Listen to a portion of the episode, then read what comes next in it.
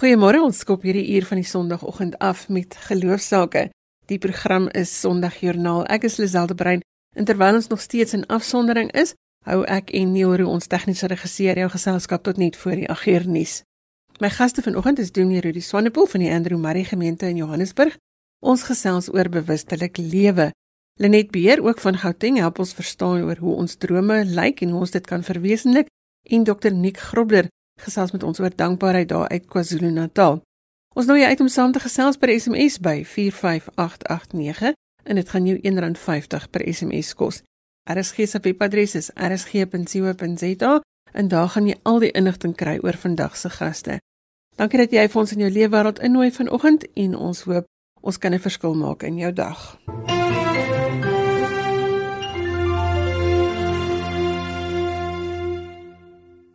Dominee Rudy Swanepoel is van die Andrew Murray gemeente in Johannesburg en hy gesels elke nou en dan met ons oor hoe om bewustelik te lewe. En in 'n tyd waarin ons nou al so lank onsself moes isoleer, is dit dalk nou 'n goeie ding om net weer hierop te fokus. Goeiemôre Rudy. Môre Lisel. Rudy, ons praat baie oor die vreugdes in die lewe. Ons is almal nou al vir baie dae in afsondering en ek het gesien jy het baie baie baie brood gebak. Daai baie baie baie is vir my interessant want ons het maar eintlik net gedoen wat ons gewoonlik doen by die huis. So ons het op ons selfde trant aangegaan en jy weet elke nou en dan elke paar dae of so het ons brood gebak of roosterkoeke gemaak. So dis een van die maniere waarop ons het probeer dit om 'n so, amper 'n normale ritme net te behou te midde van hierdie heeltemal vreemde en abnormale situasie. Die term bewustelik lewe word baie gebruik deesdae en dit voel vir my asof ons nooit dit genoeg eintlik kan onderstreep nie. Hoe kan ons as gelowiges elke dag bewustelik aanpak? kyk die blote vermoë om bewus te kan wees kom tog van God af nie waar nie so ek ek dink mens mens stel jouself in op 'n sekere manier as 'n gelowige om te wil bewuslik lewe en en dit gaan daaroor om net onder die oppervlakte te, kan gaan te kan kyk ek dink amper dit begin by by kyk en by sien so wat sien ek raak wie sien ek raak Partykeer gaan dit daaroor om vir jouself te vra maar wie sien ek nie raak nie. Dit is 'n interessante oefening om te doen as jy in 'n vertrek instap waar daar 'n paar mense is. Sien nou maar, kom ons gebruik 'n voorbeeld. Sien nou maar jy's by 'n funksie. Wie merk 'n mens eers op of wie wie merk 'n mens nie op nie? En ek ek bedoel Jesus het wonderlike voorbeelde gebruik om daai bewustelikheid te illustreer. Hy het gesê jy weet julle as mense en on, dis ons, ons is daai mense Julle kom by 'n ete en dan vat julle maklik die beste plek. Maar wie is die persoon wat die mees onwaarskynlike nemer van die beste plek sal wees? Uh en dan sê hy eintlik vir Jesus, maar jy moet daai mens wees. Maar in ons alledaagse omgang is ons nie altyd bewus van die mense wat uitgesluit word nie of die mense wat nie raak gesien word nie. So ek wonder of bewustelik lewe nie by kyk en sien begin nie, En dan gaan dit ook oor die ander klein dingetjies. Dan gaan dit ook oor uh wat ek met my ander sintuie kan waarneem, wat waarna ek kan vat, wat ek kan ruik, uh waar ek loop. Ek dink mens kan daai mees basiese goed uh, gebruik, daai sintuie gebruik om jouself amper te aard en te sê hier is ek nou, waar is ek nou, met wie is ek nou besig, wat is nou belangrik? Ek wat die uitdaging vir ons almal is om ons aandag te bestuur nie waar nie? Want ons kan nie aan alles gelyk aandag gee nie. Dis 'n leen ons kan nie dit doen nie. Rede jy skryf gereeld en jy blog ook oor saam eet oor kos oor daai ervaring van net weer voel en vat en ruik maar om om die tafel bymekaar uit te kom gesels met ons daaroor Ek dink dit is die mees van selfsprekende maar die mees misgekykte ding wat ons nie altyd waardeer nie. Ons ek dink nie ons waardeer dat ons kan by 'n tafel gaan sit saam met mense en dit as die mees basiese plek van verbintenis kan geniet en waardeer en kan vier nie. En daai verbintenisse uiteindelik is die plekke waar ons nie net ons liggame voed nie, maar ook ons intellek voed, ons siel voed, ons menswees voed dis ons perspektief kry op die lewe, dis ons perspektief kry op ons eie menswees. Dis ons terugvoer kry oor oor wie ons is en hoe ons is. As mens net aan 'n gesin dink vir 'n oomblik of aan mense wat 'n huis deel, at die oomblik as jy daar by die tafel gaan sit en jy kan die die ander goed wat mense aandag aflei uitskakel of eenkant sit, dan sit jy op 'n manier wat jy op dieselfde vlak is en jy kyk vir mekaar. Jy kan vir die ander persoon kyk en sê jy lyk vir my moeg of jy lyk vir my opgewonde. Wat gaan aan? Wat 'n nuus het jy om te deel? En dan net in die proses en die ervaring van kommunikeer en luister en verwoord eh, word ons letterlik gevorm. Daar was 'n onlangs artikel in waar 'n uh, statistiek of 'n stuk navorsing aangehaal word wat Harvard lyk my gedoen het wat sê dat kinders gewoontes aan saam eet word op 'n baie spesifieke en eintlik 'n besondere manier gevorm. So ek dink nie die waarde daarvan of die belangrikheid daarvan kan genoeg onderstreep word nie. En die wonderlike ding is niemand hoef te te studeer of te kwalifiseer of of aansoek te doen om dit te kan doen nie. Ons almal kan dit doen. Ons almal kan by 'n tafel gaan sit en vir mekaar kyk en met mekaar kontak maak. Redie Paulus het so mooi geskryf dat volgelinge van Jesus alles wat hulle doen moet doen asof vir die Here. Wat sluit daai alles in? Stuur ons uit met 'n positiewe boodskap vir die week wat voor lê.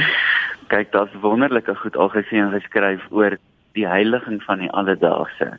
So of dit nou skottelgoed is en of dit nou eiskil is, jy kan alles doen asof jy dit vir die Here doen.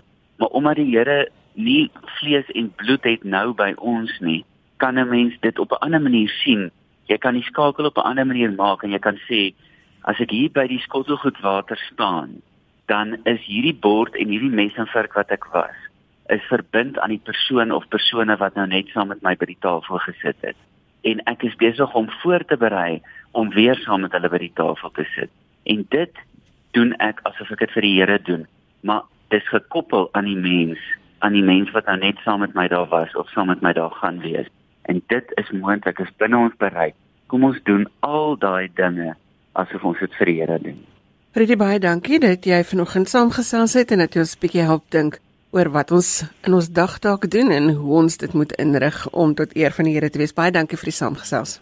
Groot liefde en so.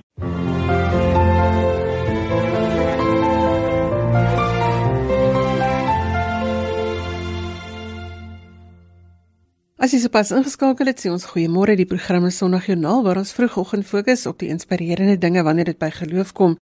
Een van die geheime van 'n gelukkige lewe is dankbaarheid en ons het van baie van julle al gehoor waarvoor julle dankbaar is, veral nou hier in hierdie tyd van afsondering. Stuur vir ons 'n SMS en deel met ons waaroor jy dankbaar is vanoggend. Die nommer is 45889 en dit gaan jou R1.50 per SMS kos. Dominique Grobler is 'n bekende kunstenaar wat afgetree het aan die suidkus van Natal en ons gesels vanoggend oor dankbaarheid. Goeiemôre Nik. Môre Lisel en môre aan ons luisteraars. Ons leef in interessante tye van virusse en afsondering en werkspatrone wat verander. Ek en jy het op 'n vorige geleentheid gesels oor genade, maar vandag wil ek vir jou vra hoe maak ons met hierdie klomp veranderinge wat rondom ons plaasvind dat onsekerheid ons nie lam lê nie. Ja, ek dink dit is 'n groot gevaar Lisel dat mense in onsekerheid leef en dat die probleem is dat hulle met die onsekerheid nie weet wat om te doen om vir hulle self te help nie. En ek sou graag by die woord van die Here wil aansluit en sommer dadelik sê dat die woord leer vir ons dat Spreuke 3 vers 5 vertrou volkome op die Here en moenie op jou eie insigte staat maak nie. Ken hom in alles wat jy doen en hy sal jou die regte pad laat loop. Ek het verskillende beeldhouwerke gemaak wat hierdie gedagte uitbeeld. Byvoorbeeld een van 'n klein kindjie wat net aan die vinger van 'n groot hand vashou. En die gedagte daar agter is dat 'n kind hou baie keer net aan die vinger van 'n ouer vas want hy vertrou die ouers sal hom bring by die eindbestemming waar hulle moet kom en uh, 'n ander ene van 'n klein kinderhandjie wat in 'n groot hand vasgeklem word omdat daai kindjie die liefde van die ouer hand ervaar en so ook moet ons ons hand in die hand van die Here lê. Ek kan maar net sê dit is my wonderlik om ook deur beeldewerk die liefde van die Here en sy genade uit te beeld, maar daarmee ook te sê ek is so dankbaar vir wat die Here vir ons doen. Maar Lisel, ek wil graag 'n uh, entjie verder gaan en sê dat dankbaarheid moenie net bly by te sê ek glo nie. Jou geloof moet ook in werke uitkom en dit is byvoorbeeld wat ons vind in 2 Korinte 10 vers 5 in hierdie onsekere tyd. Want die Bybel leer daar vir ons dat ons geen plek aan die duiwel moet gee nie, maar dat ons elke gedagte moet arresteer, moet vasvang en gehoorsaam aan die Here moet maak. En dit is 'n baie belangrike ding wat ons mense in hierdie tyd moet doen. Want daar is so baie dinge wat verwarrend is, wat onsekerheid skep dat ons die gedagtes wat by ons opkom of wat ander by ons wek, dit is daai gedagtes sal vasvang, arresteer en gehoorsaam aan die Here maak. Die vraag is nou, hoe maak jy dit nou gehoorsaam aan die Here? Man, ek het hierdie ontdekking gemaak dat die Here sê vir ons jou geloof in hom kom tot uiting deur jou dankbaarheid. Hy sê vir ons, do not be anxious about anything. Moenie oor iets angstig raak nie, maar wees altyd bly. Wees in alle omstandighede dankbaar, want dit is wat God in Christus Jesus van julle verwag ons kan seker wees dat ons onsself in dankbaarheid gelowig aan die Here kan toewy. Hy is die beheer van ons lewe. Nee, kom ons maak dit gou oomblik persoonlik. Wat is die rol wat dankbaarheid in jou persoonlike lewe speel? Jo, ek moet jou sê ek is 'n baie dankbare mens hoor, want ek besef net dat alles wat ek het is een groot geskenk. Wanneer ek ervaar, jy weet, ek het nou hier 'n krisis of 'n ding dan sal ek graag by die punt kom waar ek weer begin om die Here te loof en te prys en dankie te sê. Want die belangrike ding is dat ons moet weet dat siekte, teleurstelling, dood en al die dinge kom oor ons pad, maar die woordjie vir dankbaarheid het dieselfde wortel as genade en die blydskap in die Here. Danksegging. Dit kom alles van dieselfde stam Garis af. En ons is ingebed in hierdie dankbaarheid van wie God se genade. En ek wil graag vir jou sê dat uh, as ons kyk na Lukas 22 vers 14, dan vind ons daar die eintlike kern hoekom Jesus voor die kruisiging, wat dit 'n groot krisis is wat kom, dat hy dan saam met die disippels 'n dankgebed opstuur voordat hulle dan ook die brood breek. En daai dankbaarheid is nie en dit is 'n belangrike onderskeid wat ons betref. Is nie om dankie te sê vir die wreedheid van die kruis wat nou gaan volg nie. Nee, dis om dankie te sê dat hierdie gebeure wat nou kom, gaan 'n baie groter doel dien. Met ander woorde, Jesus kyk nie vas teen dit wat gaan seermaak of dit wat seer gemaak het. Hy kyk vas teen die blydskap wat hierdie offer van hom gaan bring vir soveel miljoene mense waarvan ek en jy deel is dat hy 'n dankgebed kan opsê wanneer hy die brood breek en wanneer hy die beker vir die disippels bedien. Dink jy dis wat Paulus bedoel het toe hy gesê het volhard in die geloof? Verseker is dit wat Paulus bedoel het. Want jy weet Paulus het deur moeilike omstandighede gegaan en hy's 'n man wat uit die wet gekom het. Maar hoor wat sê hy hier in 2 Korinte hoofstuk 4. Ons wat hierdie skat in ons het is maar kleipotte wat maklik breek. Die krag wat alles oortref, kom dus van God, nie van ons nie. In alles word ons verdruk, maar ons is nie te neergedruk nie.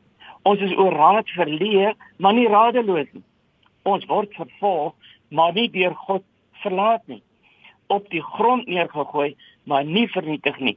Die sterwe van Jesus dra ons altyd saam met ons in ons liggaam. En dan vir al hierdie woorde waar hy sê, ons doen dit alles om julle ontwil sodat die genade van God steeds meer mense kan bereik. Daar sien jy dat dit wat Jesus in gedagte gehad het, het dan ook in Paulus se lewe neerslag gevind. Wat sou jou raad wees Nik as iemand altyd in angs en en onsekerheid lewe en dit lê hulle lewe lam?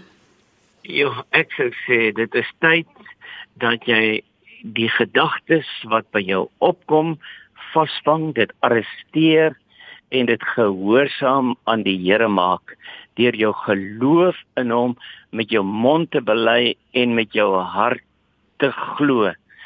Ek kan nie aan iets anders dink wat vir ons help om uit so 'n situasie uit te kom en oorwinnend te leef nie.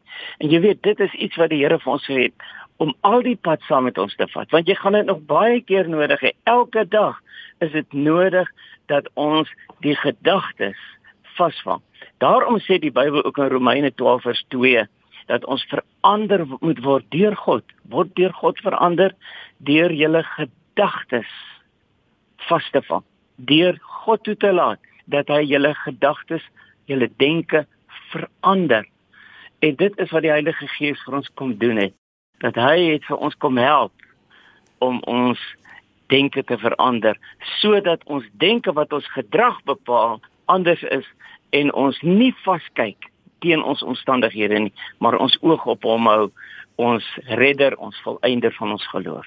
So as jy nou ver oggend 'n gedagte het wat vir jou angstig maak of wat jou bekommerd maak, kom ons vang daardie gedagte vas en ons verander hom deur dankbaarheid.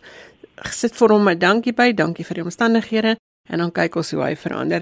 Dominiek Grobler, baie dankie vir die saamgesels vanoggend. Is 'n groot voorreg. Dankie Lisel. Soos ek reeds genoem het, dankbaarheid verander ons perspektief op die lewe, so ons nooi jou uit om vanoggend vir ons te laat weet waarvoor jy dankbaar is. Stuur vir ons 'n SMS na 45889 of gaan los vir ons 'n boodskap op Facebook by ons Facebookblad Sondagjoernaal. Ons sien elkeen van julle raak en elke SMS dit maak seker dat ons dit elke Sondag die lys kry. So moenie huiwer om vir ons jou boodskap te stuur nie, dit kos R1.50.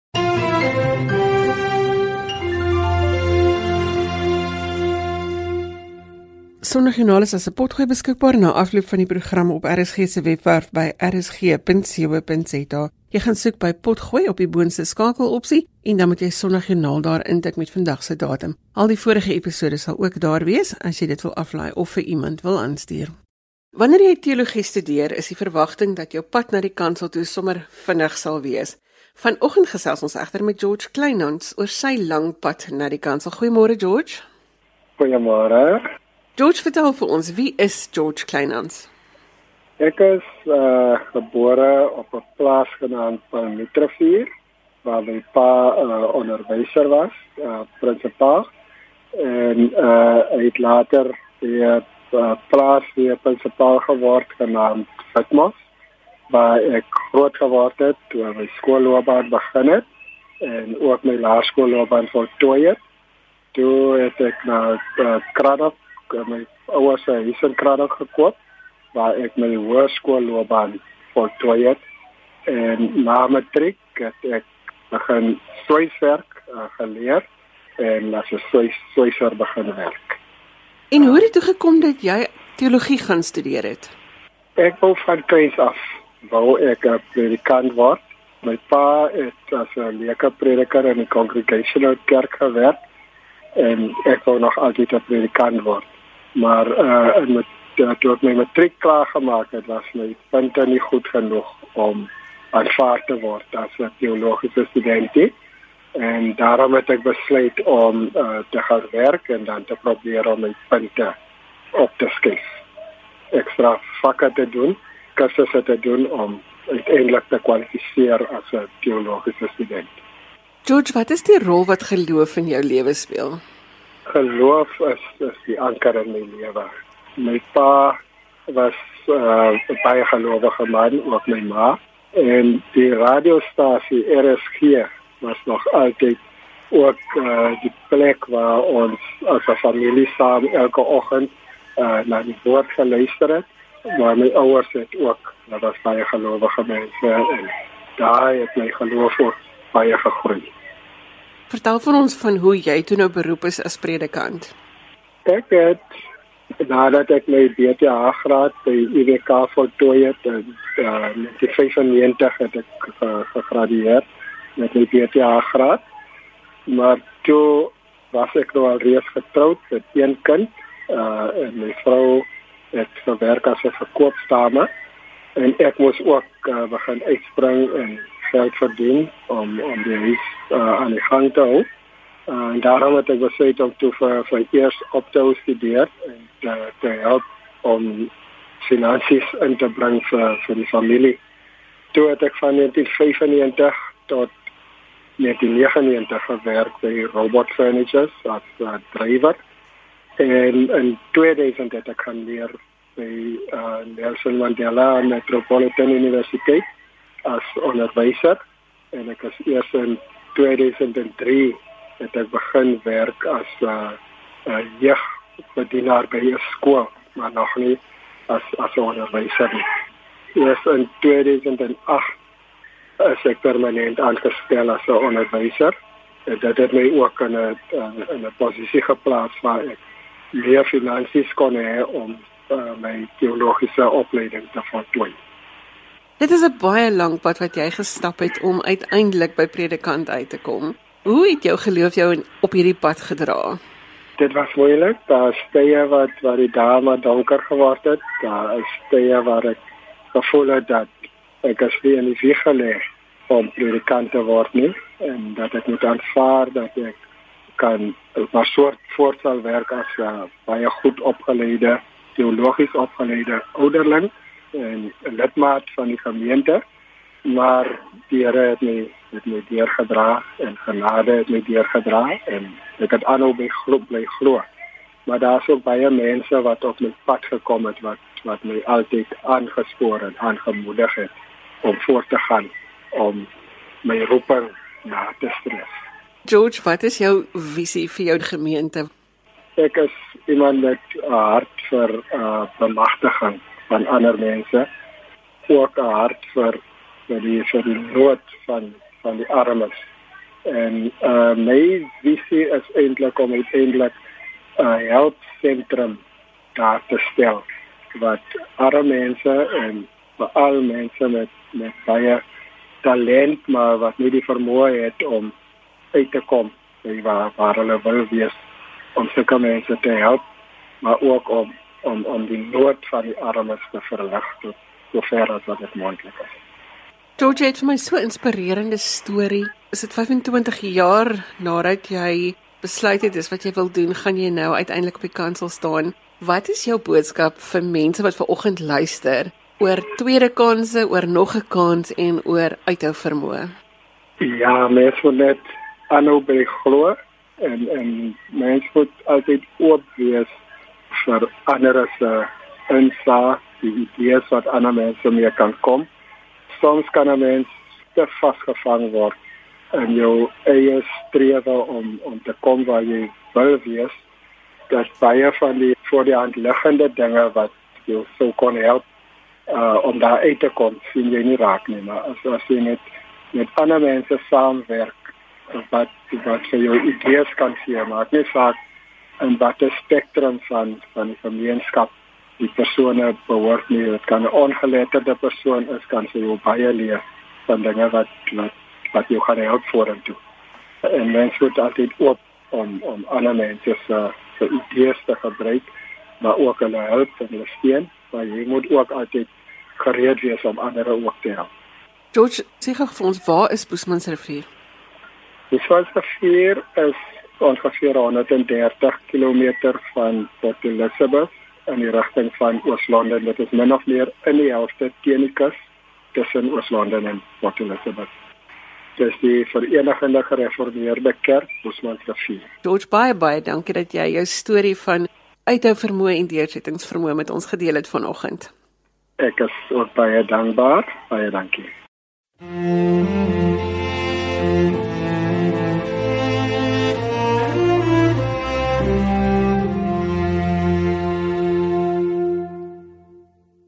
Lenet Beer is 'n lewensafrigter en vanoggend sluit sy by ons aan om te gesels oor ons doelwitte en die rol wat emosies in ons lewe speel ons moet weet hoekom ons nie daardie eerste trek kan gee nie. Goeiemôre Lenet.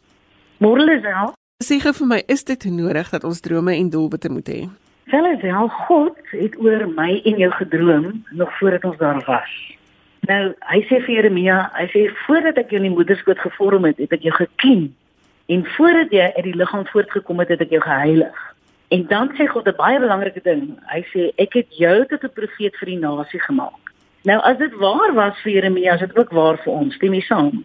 Ek stem 100% saam. Ja. Nou, dit dis verskriklik belangrik om te weet dat God om ons drome en ons doelwitte te leef, het hy eers oor ons gedroom. So met ander woorde, God het jou en my met sy eie hande mekaar geweef volgens Psalm 139 en hy het dus oor ons gedroom en hy verwag dat die droom wat hy oor my en jou gedroom het, dat ons daardie droom moet uitleef want hy het vir ons bepaalde kwaliteite gegee wat dit vir ons moontlik maak om daai droom te leef. So dit maak dit dan belangrik dat ons elkeen 'n positiewe verwagting moet hê om mee te lewe. Verseker, verseker want onthou nou Jesus sê hy sê ek het gekom Johannes 10:10 sodat jy lewe en oorvloed kan hê. Nou, dit is baie uitdagend om met 'n positiewe verwagting te leef. Indien jy nie weet wie jy is en wat jy kan doen nie, dis amper al onmoontlik. Dit as jy nou gaan kyk na Bybelkarakters en ons sien onder andere hoe dat Paulus en Deborah baanbrekerswerk gedoen het net omdat hulle geweet het wat God se droom oor hulle lewe was. Ons sien ook hoe Miriam en Petrus en Josef met 'n positiewe verwagting geleef het ongeag hulle omstandighede.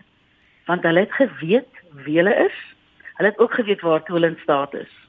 Alhoewel man God het ons so uniek gemaak. Sommige van ons is ekstroverte, gebore soos 'n Paulus, 'n Petrus, 'n Miriam, 'n Deborah en 'n klomp ander.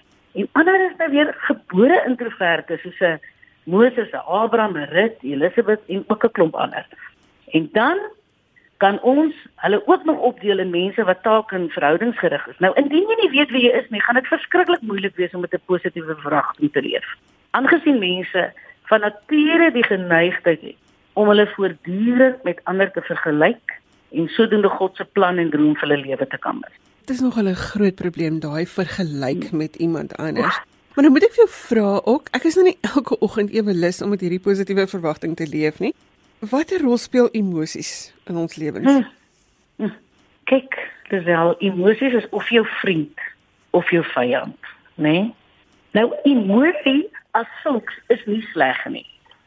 Ek meen emosies kan baie positief wees. Jy kan byvoorbeeld besluit jy wil nooit weer in hierdie swak omstandighede wees nie en jy kan 'n besluit neem om te werk om nie in hierdie omstandighede te wees nie. So dit hang af hoe jy jou emosie benader. Maar as jy daai emosie sleg hanteer, gaan dit jou lewe op 'n totale syspoor plaas. Kyk, die groot ding is jou agterbrein. Alles gebeur in jou agterbrein. Die oomblik as jy aan iets dink, dan stuur dit 'n sein na jou middelbrein wat jou emosionele brein is wat 80000 keer vinniger is as jou voorbrein. En eintlik moet ons in ons voorbreine funksioneer, want dit is in die voorbrein waar jy jou emosie verwerk. Maar mense besef nie dat tussen jou middelbrein en jou voorbrein is daar 'n 5 sekondes wat jy nodig het voordat jy optree. As jy nie weet wat jou dryf nie, want party mense word gedryf deur vrees en ander word gedryf deur woede. Né? Nee? So ek weet ek word gedryf deur woede. So nou as ek emosioneel raak, kom ons sê byvoorbeeld ek staan nou ver oggend op en Ek is sommer skuins beduiwel. Kry jy sulke dale wel? Heel wat van hulle. Vir ouer ek word, daar's 'n skeet of 'n pyn wat my sommer nou laat beduiweld voel. Jy staan op en dan kom jy agter maar dis die emosie wat die duiwel vandag gaan gebruik om jou te pootjie. So ek is nou al so ingestel as gevolg van die bietjie kennis wat ek het dat ek word deur die emosie van woede gedryf. Ander mense word weer deur die emosie van vrees gedryf. Met die woord sê waar die vrees is, is daar nie liefde nie. Waar die liefde is, gaan ek nou verder aan. Sê dit daar nie hoop nie, waar die hoop nie is nie, is daar nie geloof nie. Waar die geloof nie is nie, is daar nie oorwinning nie. Nou ek en jy moet weet watter emosie ons dryf en ons moet ongeag hoe ons voel, moet ons so geanker wees in die Here dat ons weet dat Satan gaan daai emosie van woede of vrees wanhoopigheid gebruik om ons vreugde te steel. Nou die woord sê ook dat die blydskap van die Here is ons beskutting. Nou jy kies doelbewus jou emosie. Nou voel jy nie iets. Ek sê altyd vir mense, jy gaan nie altyd voel om bly te wees nie. Wie wat doen jy dan? You act it because in the act it eventually becomes a reality. Ek kan oor hierdie goed getuig. Jy skakel jou brein aan deur jou gedagtes. So elke keer wanneer ek vir my voel ek wil in hierdie put afgaan, dan sit ek 'n ander skakelaar aan in my brein waar ek my dwing om oor ander goed te dink van hom. En dit maak dat jy nie in jou negatiewe emosie leef nie, want jy kies die skakelaar wat jy aansit. Want dit waaroor jy dink, bepaal jou hele lewe, sê Salomo. So ons moet versigtig wees wat ons dink want dit bepaal ons emosie. En ek sê nou vir jou, die ding wat alles neutraliseer, is dankbaarheid. Want dikwels is ons emosioneel omdat ons ongelukkig is oor mense en wat ander mense doen. As 'n mens dit kan regkry om dankbaar te bly ten spyte van wat om jou aangaan, dan sal jy ook jou emosies kan beheer. Help dit as ons in die oggend. Ek het so 'n warrior lied wat ek wil speel wat raise a hallelujah. Elke keer as daai gedagte verbykom dan sing ek die lied in my gedagtes of ek speel om kliphard in die huis. Kan ons ons emosie daardeur verander? Dis presies wat jy moet doen. Dis nou wat jy doen. Want ek het net vir jou gesê jy het 'n skakelaar wat jy aanskakel. Nou speel jy daai I raise a hallelujah. Ek kry eintlik hoendervleis nou. Want ek ken die lied. Dan vat daai lied verander die neurobane se vloei in jou brein. Dis asof jy dan oor iets anders dink. Jy moet dit doen. Dit wat jy nou sê is die goed wat jy moet doen. Kan ek nou vir jou vra net om mee af te sluit om ons die week in te stuur? Is God se genade vir ons genoeg? O, oh, hy sê, hy sê vir Paulus, hy sê sy genade is genoeg. Kan ek nou vir jou sê Romeine 8:28 vir hulle wie God liefhet, wie na sy voorneme geroep is en dis ons almal. Hy sê God sal nooit toelaat dat ons bo ons kragte versit word nie en vir hulle wat God liefhet, werk alles ten goeie mee. So as jy net kan verstaan tot die dood kan vir jou ten goeie meewerk. As jy net God se genade en sy grootheid besef en Korintiërs 10:13 wat sê niks is bokant ons kragte nie. As jy daai twee verse vashou, dan sal dit jou regop hou ongeag jou omstandighede waar jy moet deel elke dag. Daar het jy dit. Stel doelwitte, beplan, wees bewus van jou emosies, wees ingestel op jou geloof en maak seker dat jy die skakelaar aansit wat jou gemoed kan verander. Ek het gesels met Lenet Beer en sy het vanoggend vir ons 'n bietjie positiewe inspirasie gegee om die week in te gaan. Lenet, baie dankie vir die saamgesels. Dankie, Lisel. Ons is aan die einde van ons kuier vanoggend. Ek sê dankie vir my gaste, Donie Rudi Swanepoel, Dr. Nick Grobler en Lenet Beer. Jy kan vir my e-pos met kommentaar of as jy 'n geloostorie met ons wil deel, stuur vir my 'n e e-pos. Die adres is lazel@wwmedia.co.za.